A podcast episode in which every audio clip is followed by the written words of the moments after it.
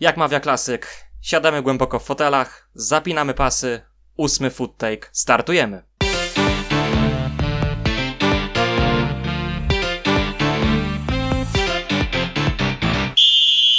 Czy uwzięliśmy się, Krystianie, drogi mój, na słuchaczy? Dlaczego cały czas o tej Anglii gadamy? No gadamy o tej Anglii, bo dużo o tej Anglii wiemy i dużo w tej Anglii się dzieje. Tym bardziej, że teraz zakończył się w sumie sezon Premier League, więc no nie sposób o tej Anglii nie porozmawiać, zwłaszcza, że mamy temat, który, który i zainteresuje i trochę nas tutaj emocjonalnie zaangażuje, bo chociażby na poprzednim podcaście bardzo chciałeś o jednym klubie porozmawiać w sposób negatywny, chciałeś udzielić się, dać udzielić się swoim emocjom, no i dzisiaj będzie, będzie ku temu okazja. Tak jest, ale od razu uprzedzamy, nie jest to tylko i wyłącznie podcast o angielskiej piłce, e, będzie coś też o piłce włoskiej, z racji tego, że pewien klub po raz ósmy z rzędu sobie zapewnił tytuł, nad czym niestety ubolewam, bo szczerze mówiąc mam dosyć takich nominacji niektórych klubów, ale o tym oczywiście e, to jest takie subiektywne podejście, do którego trudno jakoś e, nie przyczepić się tak naprawdę, ale oczywiście to o tym powiemy na koniec. E, może się przedstawimy jeszcze na koniec, Krystian, tego naszego krótkiego wywodu na start. Nie ma sprawy, ja nazywam się Krystian Bularz, jeśli ktoś by jeszcze nie wiedział. Ja nazywam się Wojciech Anyszek, o tym może jeszcze też nie wszyscy wiecie, ale mam nadzieję, że się dowiecie już po tym ósmym odcinku. Powoli zbieramy się do jubileuszu, ale o tym oczywiście też powiemy wam e, gdzieś tam na dniach, może za dwa tygodnie, gdy będzie ten dziesiąty odcinek, ale przejdźmy sobie, Krystian, od razu do tego tematu pierwszego tak naprawdę. E, powiedz mi, ulżyło ci po meczu Arsenalu z Watfordem? Nie tylko z powodu zwycięstwa twojego klubu, ale przede wszystkim z powodu tego, że jednak no wreszcie ten Watford spadł z ligi? Znaczy, powiem tak, ja w ogóle y, tutaj udzielę takiego rąbka tajemnicy, że porozmawiamy sobie o dwóch klubach piłkarskich, klubach, które, które łączy przydomek. Bo o Watfordzie, jak już wspomniałeś, możemy powiedzieć, że mówi się na nich potocznie szerszenie. O tym drugim klubie, o którym porozmawiamy, to pszczoły. I chociaż ja nie jestem y, znawcą y, na temat entomologii, tak, y, z tego co się orientuję, to mogę powiedzieć, że szerszenie raczej szkodzą środowisku. E, Pszczoły dbają o ten ekosystem, prawda? Jeżeli tutaj teraz przerzucimy się na żargon piłkarski, to można powiedzieć, że może te piłkarskie szerszenie, czyli Watford, również szkodzi nie tylko sobie, nie tylko swoim kibicom, ale i nam, postronnym obserwatorom, bo polityka y, zarządzania tym klubem, y, podejścia do, do trenerów, między innymi, no budzi ogromne zażenowanie i patrząc na to, co się dzieje w Watfordzie, no to słuchaj, nic tylko pomstować i Wiesz co, trudno mi powiedzieć, czy ja się raduję, że Watfordu nie ma w Premier League. Ze względu na to polityka na pewno, ale patrząc na ogólnie Watford, tam jest potencjał na grę w Premier League i trochę dziwnie ich będzie mimo wszystko w tej Championship oglądać. Tak, tutaj nawiązałeś fajnie do tego mm, zwierzęcego, takiego mm, powiedziałbym wręcz owadowego e, podejścia do, do świata. Em, tutaj mi się tak nasunęło właśnie takie skojarzenie, że do Watfordu, e, patrząc na to, co oni wyprawiali ostatnio, to chyba można byłoby jedy- jedynie podchodzić kaftanie bezpieczeństwa, którego używają strażacy przy akcjach e, z usuwaniem gniazda szerszeni właśnie. No tak, tak, i tutaj tak możemy to odnieść właśnie do, do nas jako do kibiców, gdy podchodzimy do Watfordu, bo wiesz co, y, ja zawsze miałem i cichą taką, taką niechęć do Watfordu, a jednocześnie sentyment. Może przez ich stroje, jakoś nie wiem, podobają mi się te żółte, żółte kolory koszulek y, y, Watfordu, ale mm, no i też niektórzy piłkarze, prawda? Y, Watford ma potencjał naprawdę w swojej kadrze. Patrząc czysto piłkarsko, to Watford naprawdę ma potencjał i mnie zdziwił ich, ich spadek do Championship, tak z perspektywy. y, Może całego sezonu nie, bo na to zasłużyli jednak, ale, ale ogólnie renomy klubu i, i potencjału właśnie w kadrze to, to trochę mnie to, mnie to zdziwiło, no ale sami sobie w sumie na to, na to zapracowali, bo co z Ale tego... wiesz z czego to wynika też? Tak mam wrażenie. Bo to wynika, zwróć uwagę na takie kluby jak Udinese czy Granada. No Granada akurat teraz może, in, może i mniej, bo e, z tego co pamiętam została przejęta przez innych właścicieli. Przepraszam za e, lekką chrypkę. E, Natomiast wracając do tematu e, Udinese i Granady, no to Udinese popatrz sobie jak też e, tak winduje między tym powiedzmy 14 miejscem a, a strefą spadkową tak naprawdę w Serie A, że to jest taki klub, którego też tak naprawdę, tak naprawdę nikt nie chce w tej e, włoskiej lidze i mam wrażenie, że z Watfordem jest podobnie z tego względu, że zarządza tymi oboma klubami ten sam człowiek tak naprawdę, ta sama rodzina właściwie, bo e, Watfordem i Udinese, tutaj drodzy słuchacze wam podpowiemy, zarządza rodzina Pozzo. Taka specyficzna rodzina, która tak naprawdę zrobiła sobie z Watfordu i Udinese swój własny folwark. E, wymieniają piłkarzy między sobą, tak naprawdę nie wiadomo po co, nie wiadomo dlaczego, po prostu sobie zrobili taki rynek zbytu między Watfordem a Udinese i wymieniają e, właśnie piłkarzy między tymi e, dwiema, mm, dwiema drużynami, tymi dwiema, tymi dwoma miastami tak naprawdę, bo to jest... Przedsiębiorstwami też można powiedzieć, bo umówmy się, że kluby piłkarskie to również są przedsiębiorstwa i rodzina Podco yy, wyraźnie to pokazuje, natomiast wiesz, Ale przedsiębiorstwa mi się bardziej kojarzą, wiesz z czym? Z NBA akurat, że to jest takie jednak, wiesz, przedsiębiorstwo takie, taka franczyza, jak to mówią chłopaki z Pick and Rolla na przykład, ale tutaj takiego, w takiej franczyzie raczej mowy nie ma. Ale wiesz, ale mimo wszystko, no dzisiaj jak to Arsen Wenger mówił kiedyś, że gdy przychodził do tego klubu, pracowało tu e, raptem kilkadziesiąt osób, a w 10 lat to się tak rozrosło, że pracowało tam tysiące osób, w Arsenalu w sensie, więc, więc można powiedzieć, że klub piłkarski to również jest takie przedsiębiorstwo. Natomiast y, tutaj ja uważam, że to może nie tylko kwestia, wiesz, wymiany piłkarzy, ale no, no fakt, jeżeli no, trzeba się otworzyć na cały świat piłkarski, nie tylko na, wiesz, wymianie między moimi własnymi klubami, tak można to ująć, tak? Ale zobacz, y, bo tutaj przede wszystkim darzyliśmy Watford niechęcią wielką za to, jak podchodzą do trenerów. Zwolnienie Javiego Grassi po czterech kolejkach tego sezonu, no dobra, cztery porażki, zero punktów, może powody były, ale popatrz na poprzedni sezon, właśnie w wykonaniu Hiszpana, Watford osiągnęło najlepszy wynik w lidze, 11 miejsce w tabeli bodajże, odkąd oni awansowali do Premier League w 2015 roku. Do tego awansowali do finału Pucharu Anglii, może i przegrali 0-6 z City, ale gdybyśmy funkcjonowali na starych zasadach, gdzie wystarczyło być finalistą Pucharu Anglii, żeby awansować do Ligi Europy, to Watford by w europejskich pucharach grało. Cztery kolejki tego sezonu pozbywamy się trenera. To jedno, ale żeby było zabawniej, na kolejkę przed końcem tego sezonu, gdy jeszcze masz szansę na utrzymanie, zwalniasz trenera, który tak naprawdę robił chyba najlepsze wyniki w tym sezonie. I No, to nie byle jakiego trenera, Krystian. Nigel Pearson. No tak. Ten sam Nigel Pearson, który utrzymał Leicester wcześniej w Premier League. Owszem, też był potraktowany trochę jak, e, brzydko mówiąc, jak śmieć. E, potem w Leicester, bo jednak zwolniono go na rzecz Ranieriego, który potem zrobił to mistrzostwo, ale tak naprawdę gdyby nie Nigel Pearson, to tego Leicester w ogóle by nie było w tej walce o mistrzostwo wtedy, w tym sezonie 15-16. I mam wrażenie, że tu też trochę za szybko chyba postąpiono właśnie z jednak, jednak z tym e, zwolnieniem e, Nigela Pearsona, bo jednak mam wrażenie, że to był trener, który naprawdę, tak jak mówisz, robił dobre wyniki, to był fachowiec e, naprawdę pierwszej ręki. Znaczy wiesz, jeżeli chodzi o Pearsona i Leicester, ja sobie trochę poczytałem i tu nie chodziło konkretnie o to, że Leicester chciało pójść po prostu inną drogą, inną myślą szkoleniową, ale tu chodziło o aspekt dyscyplinarny, że tak powiem. Mianowicie były problemy z jego synem, bo może nie wszyscy wiedzą, ale syn Nigela Pearsona grał wówczas w Leicester. Może nie pełnił jakiejś tam znaczącej roli w tym klubie, ale był.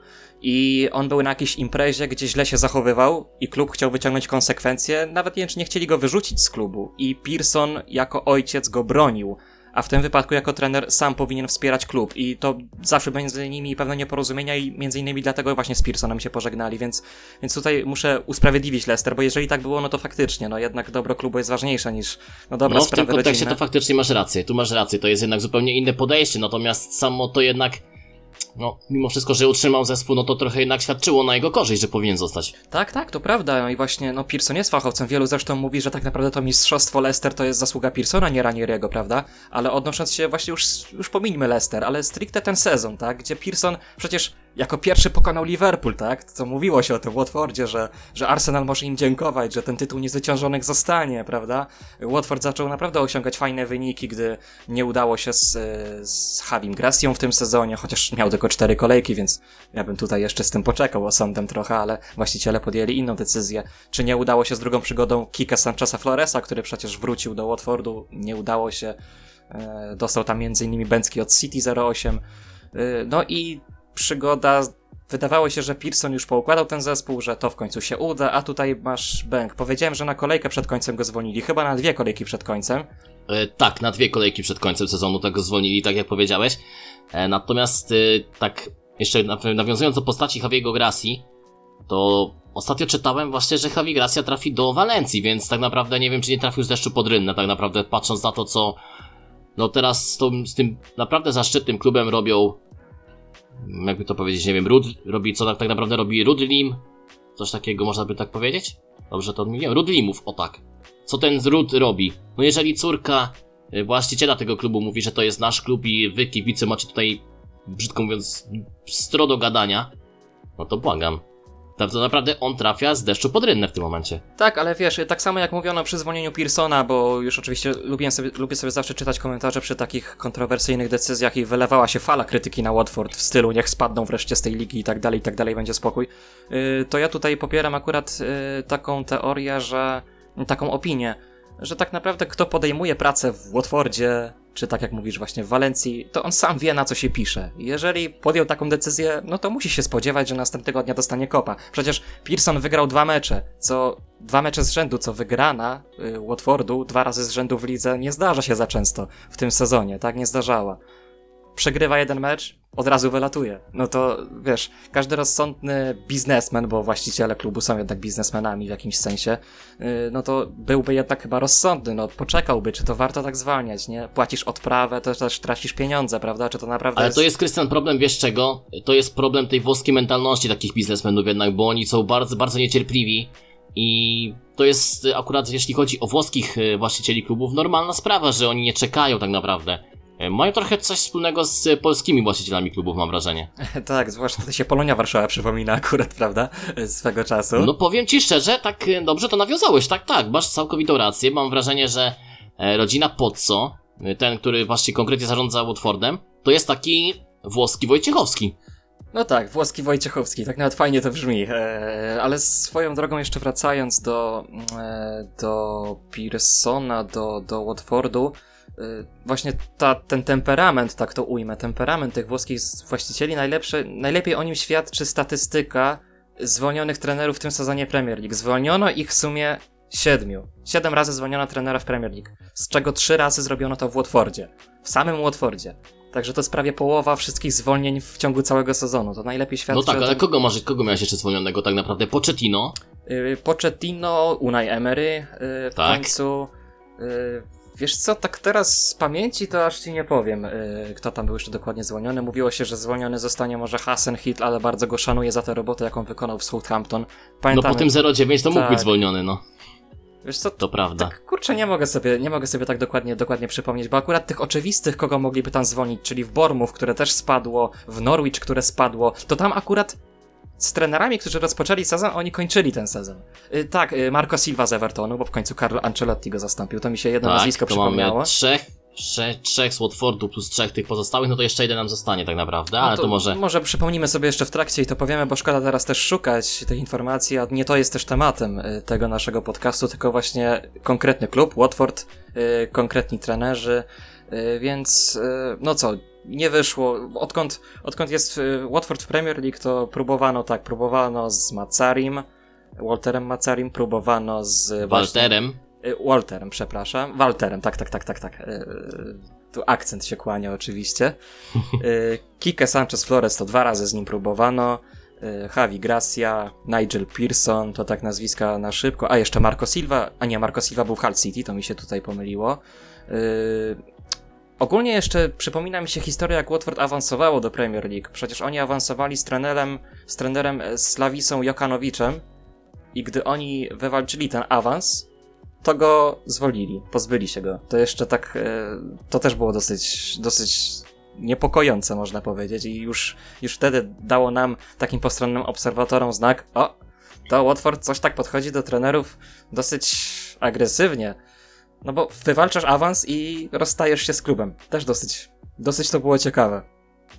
Tak, to prawda, to było dosyć e, ciekawe, przepraszam, podejście, e, pokazujące faktycznie, że coś z tym klubem jest e, nie tak, ale też w ogóle pamiętasz tego właśnie Jokanowicia, który potem awansował przecież z Fulham do, do Premier League i on tam zaczął nawet całkiem, powiedzmy sobie, no w miarę obiecująco, jak na Fulham, na tamtą kadrę, którą wtedy oni mieli, ale potem, no też został bardzo szybko zwolniony tak naprawdę, no i potem jednak e, już próbowano cokolwiek zrobić, ale to już było raczej ratowanie, ratowanie skóry przed, przed spadkiem, ale tego się ostatecznie e, nie udało, no i teraz całkiem nieźle radzi sobie nam Scott Parker przecież.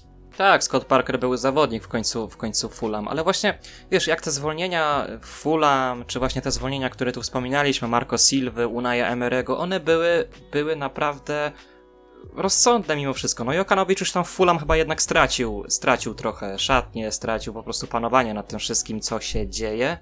Yy, Emery, no to nie mówmy, i Marco Silva to samo. Właśnie Everton i Arsenal, podchodzi, oba te kluby podchodziły bardzo, bardzo spokojnie, czekały, dawały dużo szans.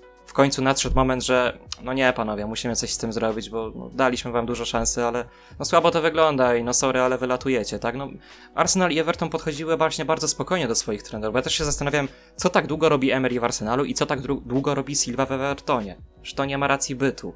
No i w końcu się pożegnali, natomiast w Watfordzie widzisz, zamiast podejść rozsądnie, dać jednak jeszcze trochę tej szansy, zwłaszcza gdy, kurczę, masz dwa mecze do końca, ciągle masz szansę na utrzymanie, oni ci zwalniają trenera, nie wiem, nie wiem, oni liczyli na jakiś impuls, że wiesz, efekt nowej miotły, że wystarczy, wiesz, zwolnienie i nagle ci zgarną 6 punktów, no...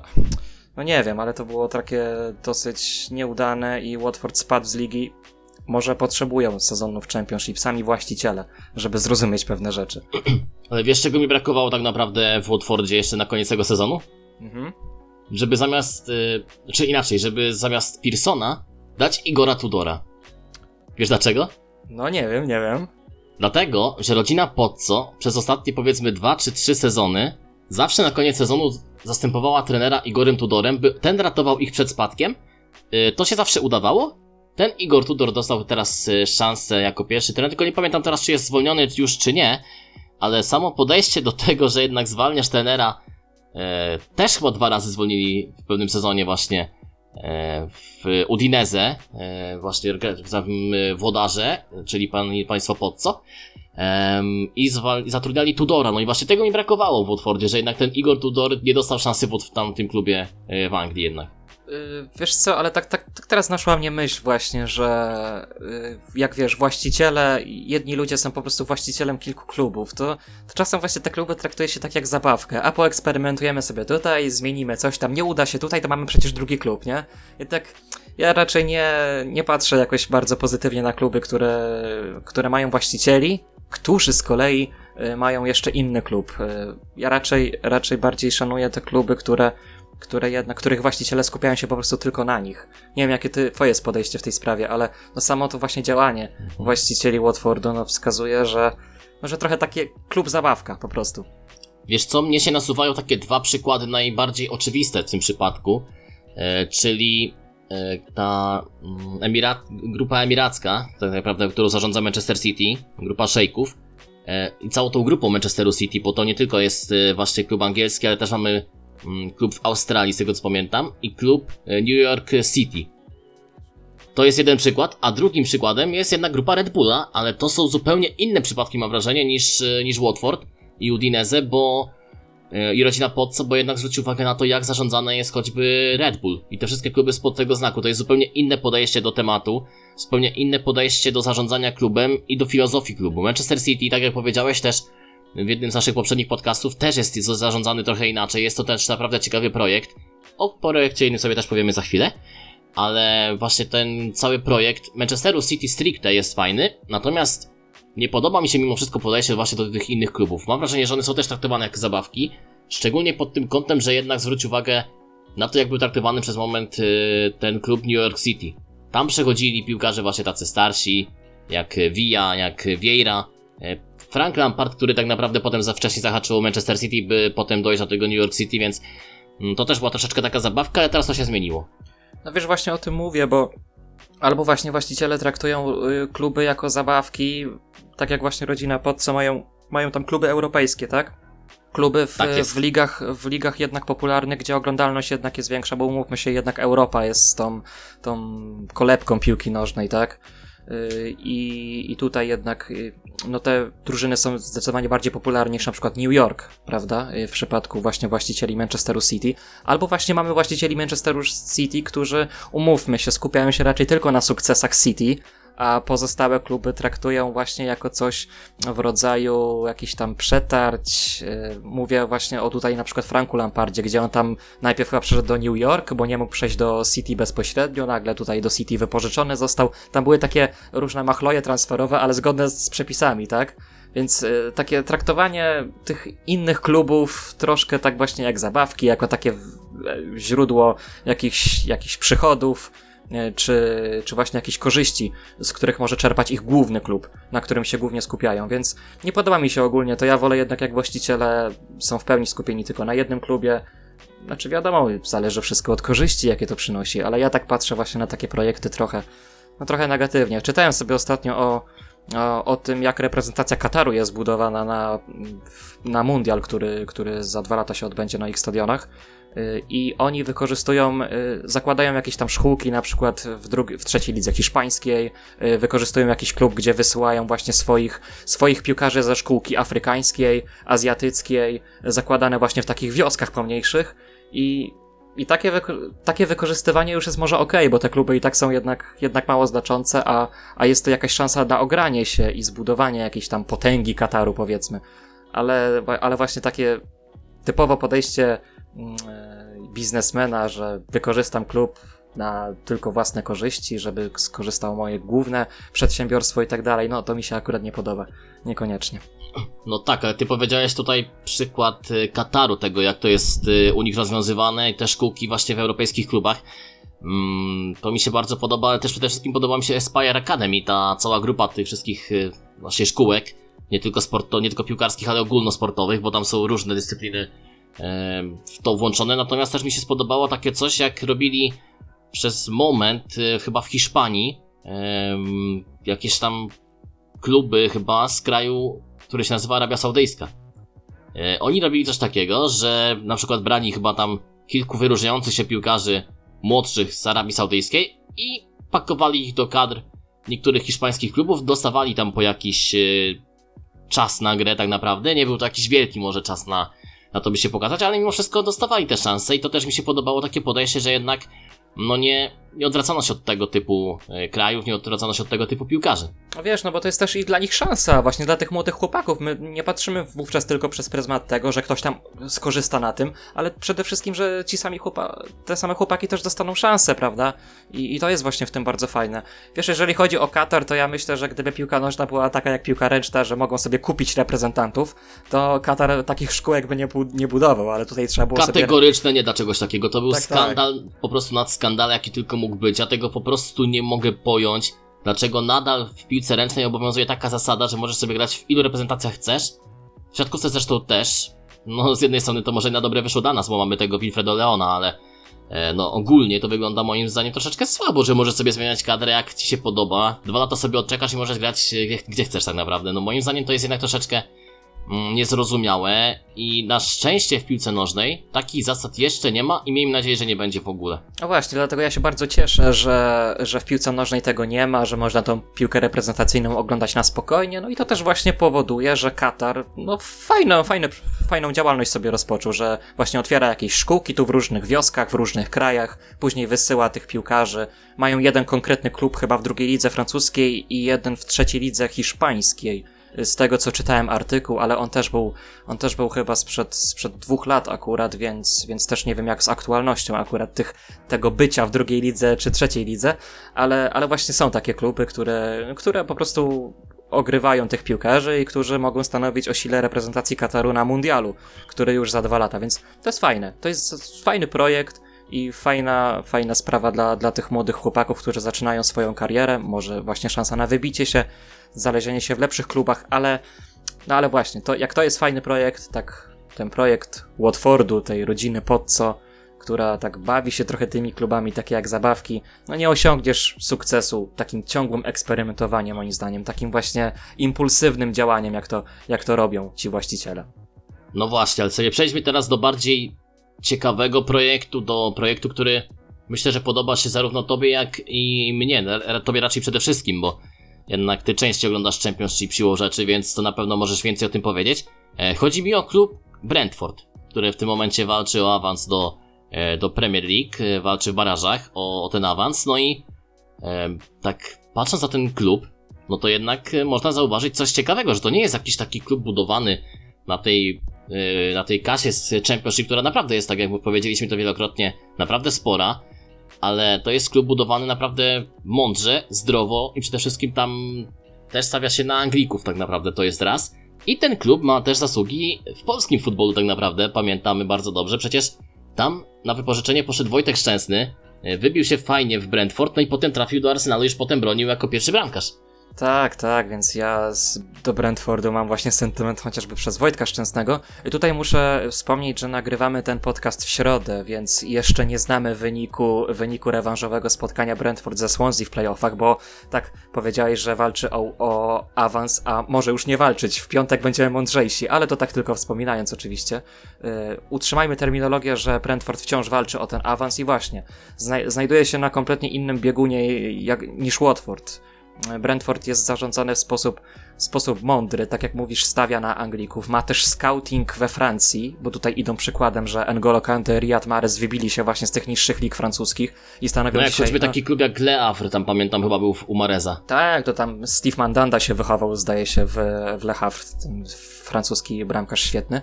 Yy, ale wracając, yy, Brentford w ogóle ma fajną, fajną koncepcję, bo tutaj rozmawialiśmy o szkółkach piłkarskich, to Brentford, y, właściciele Brentford od samego początku wiedzieli, że szkolenie piłkarzy u nich nie ma najmniejszego sensu, bo co z tego, że my wyszkolimy sobie 16-17 latka, jeżeli zaraz przyjdzie Arsenal, przyjdzie Chelsea, przyjdzie Liverpool i nam go wezmą, y, tego młodego zawodnika. My nie mamy tak naprawdę czego do zaoferowania, jeżeli ktoś jest naprawdę utalentowany, to w końcu wyląduje w tych większych klubach i będzie dalej się szkolił, prawda? I oni podeszli do tego na takiej zasadzie, że stworzyli, tak jakby, ja to tak nazwę, szkółka drugiej szansy o co tu chodzi? Że są, są wielkie talenty, które ostatecznie się nie wybijają. Tutaj można wspomnieć, nie wiem, Jeremy Aliadiere był kiedyś taki napastnik Arsenalu, młody francuski i on nigdy nie zrobił kariery. No wielu takich piłkarzy, którzy, którzy się nie wybili i zostali przez te wielkie kluby skreśleni i później musieli się tułać po tych niższych ligach. Brentford przyjęło właśnie taką formę szkolenia. Okej, okay, odrzuciły was wielkie kluby z waszej szkółki, my wam damy szansę. Chodźcie do nas, pokażcie co potraficie, szkolimy was dalej, a nuż jednak się wybijecie, a nuż jednak zrobicie karierę. Bo często jest to tak z tymi młodymi piłkarzami, że oni się zapowiadają fajnie, ale nie sprawdzają się w tych wielkich klubach i później właśnie kończą w trzeciej lidze, właśnie w Championship i są tylko gwiazdami w tych ligach. Brentford właśnie daje im taką fajną, fajną drugą szansę i to jest myślę bardzo ciekawy projekt. Przede wszystkim zdrowe podejście, no bo umówmy się Wojtek, no jednak Chelsea, Arsenal, City, United, Liverpool, Tottenham, można tu wymieniać wszelkie kluby w Premier League, które raczej mają większe i zasoby finansowe i lepsze obiekty młodzieżowe i mają raczej więcej do zaoferowania młodym piłkarzom niż Brentford. Nie no, oczywiście, to masz całkowitą rację, jeśli chodzi o ten element y, zarządzania klubem, natomiast to już mi się bardzo podoba właśnie to zarządzanie Brentford pod tym względem, że jednak tak jak powiedziałeś, to jest klub taki, który faktycznie daje ci drugą szansę, nie odrzuca cię od razu. No i też mam wrażenie, że to już zadziałało w przypadku Wojtka Szczęsnego tak naprawdę wtedy. No bo jednak e, w Arsenalu nie mógł się też wybić, nie mógł się gdzieś tam przebić do świadomości, ale wiadomo kto wtedy bronił tak naprawdę, to były zupełnie inne czasy, był wtedy Almunia, przecież e, to wiadomo było, że trudno Wojtkowi się będzie przebić, natomiast e, i on poczekał i też poczekał na niego Arsenal dzięki Brentfordowi, dzięki tej drugiej szansie, którą dostał w niższej szkółce, w niższym klubie, Mm, tam zaczął grać, wybił się naprawdę bardzo fajnie, no i pokazał teraz, no, że to był dobry ruch, bo no jednak wiemy, co, co teraz Wojtek wyprawia w Juventusie. E, wiesz co, tak powiedziałeś, no wiemy, jakie wtedy były czasy, był Manuel Almunia i tak to zabrzmiało, jakby Almunia był świetnym bramkarzem. Ja powiem tak, Almunia nie był świetnym bramkarzem, on miał fajne momenty, między innymi mecze z Barceloną, ale on nie był świetnym bramkarzem, ale tam Chodziło o to, że Wenger jest jednak człowiekiem, który wierzy w swoich piłkarzy, ma właśnie swoich ludzi, którym po prostu ufa, wierzy. I to nie chodzi tylko o Albunię, ale chodzi też o Fabiańskiego, bo Fabiańskiego przecież y, ujęto, y, zaczęto go nazywać Flappy Hęcki, tak? Czyli ma ma te takie ręce dziurawe i wpuszcza, wpuszcza babole, jednym słowem. Elastyczne, ale nie w tym sensie, po prostu takim, jakim pewnie by oczekiwali, czyli że odbija piłki w dobry sposób, tylko że te piłki się od niego odbijają właśnie. właśnie Taki właśnie. był chyba ten kontekst. Wenger dał mu szansę i Fabiański wtedy bronił. I nawet jak Szczęsny poszedł na wypożyczenie do Brentford, to Fabiański wtedy zdobył bluzę z numerem 1, pokonał właśnie Almunię i, i właśnie grał w pierwszym składzie.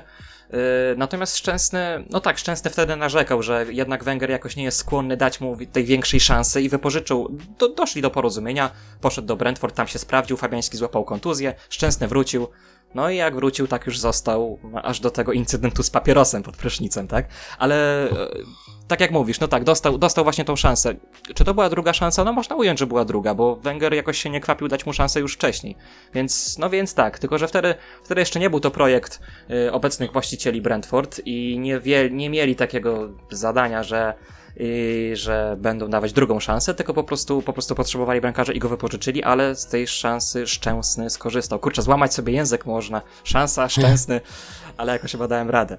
Tak, ale tu pamiętam, teraz mi się nasunęło a propos szczęsnego tego papierosa, o którym powiedziałeś, przypomniałeś.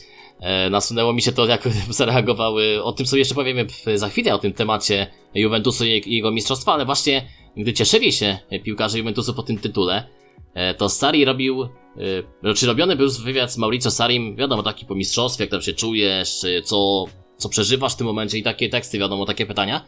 A Wojtek Szczęsny podchodzi do Sariego. Wiadomo, jakie Sari ma skłonności do tytoniu, który bardzo lubi. I Wojtek Szczęsny mówi do trenera tak. "Y, Masz trenerze, zasłużyłeś i wręczę mu papierosa przy, przy kamerach przy wywiadzie. To nie widziałem, to nie widziałem tego, no ale Wojtek jest, no Wojtek ma wiesz taki charakter, że, że on akurat lubi, lubi sobie tak pożartować i bardzo fajnie, bardzo fajnie, ja lubię takie historie, wiesz, chociaż no akurat trener piłkarski i piłkarz i papieros to tak niefajne połączenie, ale, ale to może nie przymknąć oko jednak. Włosi mają do tego luźniejszy stosunek, od razu ci powiem. To jest zdecydowanie inne podejście, tam możesz sobie zapalić, y, wypić, y, nie wiem, grappę, y, normalne piwo, wino, cokolwiek i ci nikt, nie, nikt na to nic nie powie. To jest właśnie urok tego włoskiego futbolu, do, który mi się naprawdę bardzo podoba i tu muszę przyznać, że no, jednak bliżej mi do tych Włoch. Dlatego. Yy, dobrze, ale, ale- fajnie też y, doceniam taki Brentford, który no, robi naprawdę ciekawą robotę teraz. No właśnie, fajnie, że nawiązałeś, bo chciałem wrócić do tematu Brentford, bo ogólnie to jest ciekawe nie tylko jeśli chodzi o młodzież, ale i o, o to, jak oni skupiają się na liczbach. Ja jako socjolog sam mam zamiłowanie do danych ilościowych, do liczb, do statystyk różnych i tak dalej i właściciele Brentford również się, również się tym kierują. Mianowicie oni, jest taki model Benshama właśnie od nazwiska właściciela y, Brentford. On jest fanatykiem bukmacherskim, w skrócie można ująć i on on stworzył właśnie taki swój model, który polega na obliczaniu potencjału zawodników, potencjału reszty ligi, potencjału twojego sztabu trenerskiego, ogólnie wszystkiego. On to oblicza i później wychodzi mu, czy drużyna osiągnęła wyniki na miarę swoich możliwości, którą drogą pójść i tak dalej. Przykład, y, bo tak krytykowaliśmy Watford za trener, za zwalnianie trenerów, a tutaj w Brentford również było podobnie. Był taki trener Mark Warburton, y, który na pierwszy rzut oka robił wyniki ponad stan ale właśnie z modelu Banshama wynikło, że tak naprawdę z tymi piłkarzami w takiej konfiguracji on powinien osiągnąć o wiele lepszy wynik. I zwolniono go, pomimo iż tak naprawdę właśnie robił wyniki ponad stan. Później sam powiedział, że no mógł wycisnąć więcej. Bo z modelu wyszło, że po prostu Brentford powinno osiągnąć jeszcze lepszy wynik niż osiągnęło. I wyniki pokazują, że no Brentford się rozwija, Brentford walczy teraz o Premier League. Ta sama, ten sam model tyczy się w sumie Jurgena Kloppa, bo oni obliczyli, właśnie Bensham między innymi, że, że Jurgen Klopp w Borussii Dortmund dobrze stworzył fajny zespół, zdobył tam Mistrzostwo Niemiec, tak, awansował do finału Ligi Mistrzów pamiętnego w 2013 roku, ale Klopp zawsze był trenerem niedoszacowanym, bo z tą kadrą, jaką miał w Borussii, on powinien osiągnąć dużo więcej niż osiągnął. I patrząc na to, co robi w Liverpoolu, no to chyba ten model ma słuszność. No tak, to jest akurat y, zupełnie inne teraz y, prowadzenie zespołu przez y, Jurgena Kloppa, pokazujące jednak, że zmienił troszeczkę podejście też do tego zespołu, że dobiera sobie piłkarzy w odpowiedni sposób i to jest akurat bardzo rozsądne podejście. Niekoniecznie takie jednak, przechodząc może sobie powoli do tego ostatniego tematu, bo myślę, że nam niewiele czasu zostało na omówienie Juventusu tak naprawdę, bo cię mamy troszeczkę mniej czasu na ten podcast, nie będzie to aż taki, taki długi odcinek, jakbyśmy zakładali.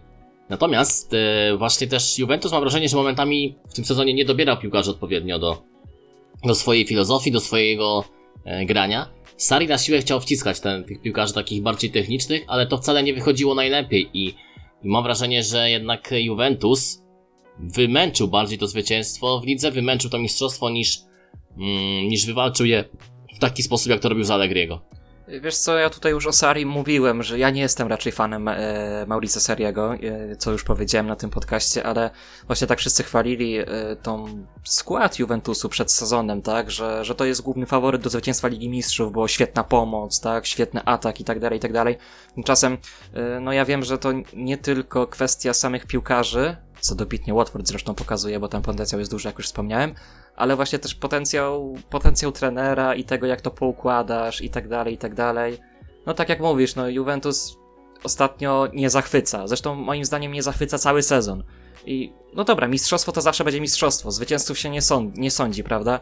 Ale jednak, no, czy mamy tak naprawdę postęp w porównaniu do tego Juventusu Allegriego? Nie sądzę. To jest może inna gra, może ładniejsza dla oka, ale chyba jednak mniej konsekwentna, taki mniej, mniej, mniej charakterny jest ten Juventus, mi się wydaje.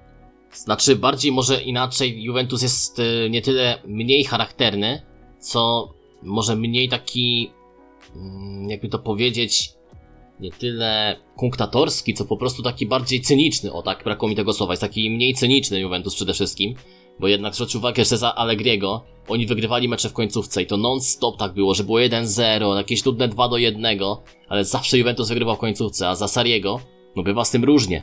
Końcówce przegrali choćby z Udinese, e, w końcówce sezonu i w końcówce tego meczu, gdzie Seko Fofana zrobił piękną akcję, zrobił naprawdę bardzo ładnego gola i wielokrotnie zdarzało się, że Juventus te końcówki przegrywał momentami, naprawdę było im ciężko, a też świadczy tak naprawdę o tym, jak Juventus się zmienił, to że, mm, patrz, za Sariego y, zdobyli jedno trofeum w lidze.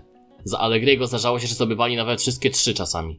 Nie było to łatwe czasami, momentami, ale jednak zdarzało się, że zdobywali trzy, trzy trofea i to było jednak y, pokazujące to, jak się ten klub zmienił i jednak inaczej teraz patrzę się na, te, na tę grę Juventusu, bo jednak e, Sari też miał takie momenty, mam wrażenie, że mm, też chciał tak cynicznie grać, ale to mu nie wychodziło, tak e, jak to miało miejsce w przypadku Allegriego i Allegri e, tutaj ma naprawdę to wszystko na plus, e, pokazuje, że jednak to on był lepszym trenerem i wiesz co, nie zdziwiłbym się, gdyby Allegri, choćby patrząc na ten dobry sezon, który mimo wszystko osiągnął, może jeszcze osiągnąć więcej Lidze Mistrzów, to może jednak polecieć z Juventusu. Czy poleci, czy nie? Ja myślę, że tutaj też dużo nam powie o tym, jak, jak w Lidze Mistrzów się Juventus spisze. Natomiast odnośnie tego, co mówisz, że właśnie jest mniej cyniczny i tak dalej, no to tak naprawdę wyniki pokazują nam to, że ten brzydszy futbol, ten cyniczny futbol Allegriego jednak przynosił lepsze efekty i tutaj możemy teraz się zastanawiać, no to co, to warto grać ładnie, czy jednak warto, warto wygrywać więcej, prawda? Kibice Juventusu, sam sobie czytałem często opinie właśnie kibiców Juventusu, oni już chcieli zmiany, oni już chcieli pożegnać Allegriego, bo nie podobała im się tu gra, ich, ich gra po prostu. Ja tutaj y, sam narzekam bardzo na mistrzów świata Francuzów, nie chciałem, żeby oni wygrali, bo na, to, na, na potencjał, jaki oni mieli w kadrze, to oni powinni grać piękną piłkę, a ta gra ich po prostu mnie nużyła, po prostu mnie wkurzała. Nie podobało mi się kompletnie i Ale wcale... wiesz z czego to wynikało? To była Francja niemal identyczna jak ta z 98 roku. Oni też nie grali jakiejś wybitnej piłki, oni też nie byli jakimiś takimi właśnie czarodziejami futbolu, jak ty to nazwałeś teraz, jak to można byłoby określić. Natomiast oni byli właśnie cyniczni jak Juventus, w którym wtedy grali e, zarówno Deschamps, jak i Zidane. No właśnie. Tak, jeszcze Zidane grał wtedy w Juventusie i to był taki cyniczny Juventus typowo. Natomiast y, Francuzi w 2018 roku też trochę za- zagarnęli tej cyniczności momentami, z tego względu, że jednak trenerem był Didier Deschamps. No tak, i widzisz, yy, i tutaj właśnie znowu możemy sobie mówić, nie podoba, nie podoba mi się ten styl, ale Francja wygrała, a z kolei podoba mi się, nie wiem, piękna gra Arsenalu, piękna gra y, Leicester jeszcze w pierwszej połowie tego sezonu, ale ani jednego, ani drugiego nie ma w Lidze Mistrzów. Podoba mi się na przykład może teraz piękniejsza gra Juventusu za Sariego, ładniejsza dla oka, bardziej znośna, ale ten Juventus jakiś jest właśnie taki, no taki może i wygrywa, ale w porównaniu z tym Juventusem Allegriego taki nijaki, prawda? Więc nie Ale wiem. błagam, Krystian, na koniec jeszcze tak sobie przejdźmy.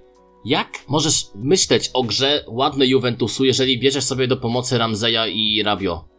No ja No wiem, błagam, jak? Jak? Znaczy wiesz co, ja akurat bardzo szanuję Ramzeja za, za to, co wniósł do Arsenalu, za jego Myślałem, historię. że za ośmiercanie ludzi swoimi golami. Y, Ale no tak, on też fa fajne, fajne gole strzelał, no co by nie mówić, ta piętka z Tottenhamem, pamiętam w derbach, tak, ale, ale wiesz co, Ramsey ma taki styl, że on jest za mało dynamiczny. On jest za mało dynamiczny, żeby kreować, wiesz, y, taką szybką, kombinacyjną grę.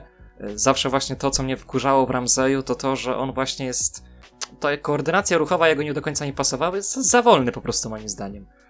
Y, Zawsze ja, ja jestem fanem drużyn, których mają jednak takich szybkich, dynamicznych pomocników, ala, nie wiem, Dani Ceballos na przykład, Santi Cazorla, y, taki profil piłkarza, nie? Ramsey nigdy, nigdy do tego poziomu się nie zbliżył i, no i tak jak mówisz, no, chociaż ma umiejętności perfekcyjne, techniczne, tak, myślę, że to nie jest piłkarz, który stworzy właśnie, no właśnie pięknie grający, pięknie grający zespół, bo jednak pozycja, na jakiej gra Ramsey, to jest wirtuoz, to jest, napędza tą orkiestrę, prawda, która gra.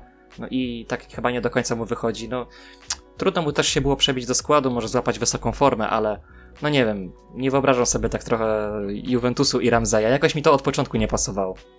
No tak, ale też z takiego względu, że jednak zauważ, że Włosi i Anglicy to się jakoś nie bardzo łączy, jeśli chodzi o grę. Mam wrażenie, że to nie jest taki chyba profil tego angielskiego piłkarza pasujący do Włoch. Okej, może jest zbliżony styl niekiedy tej gry, bo jednak czasami to też jest takie defensywne podejście, może nie kick and rush, jak to było dawniej, ale jednak podejście bardziej takie defensywne, jednak bardziej na zasadzie bronimy się, nie atakujemy aż tak, czekamy co zrobi rywal, ale mimo wszystko Ramsey to nie jest ten styl. To nie jest ten styl y, właśnie jakby to choćby teraz y, chcą zmienić Włosi, bo Włosi chcą teraz jeszcze tak już całkowicie na koniec.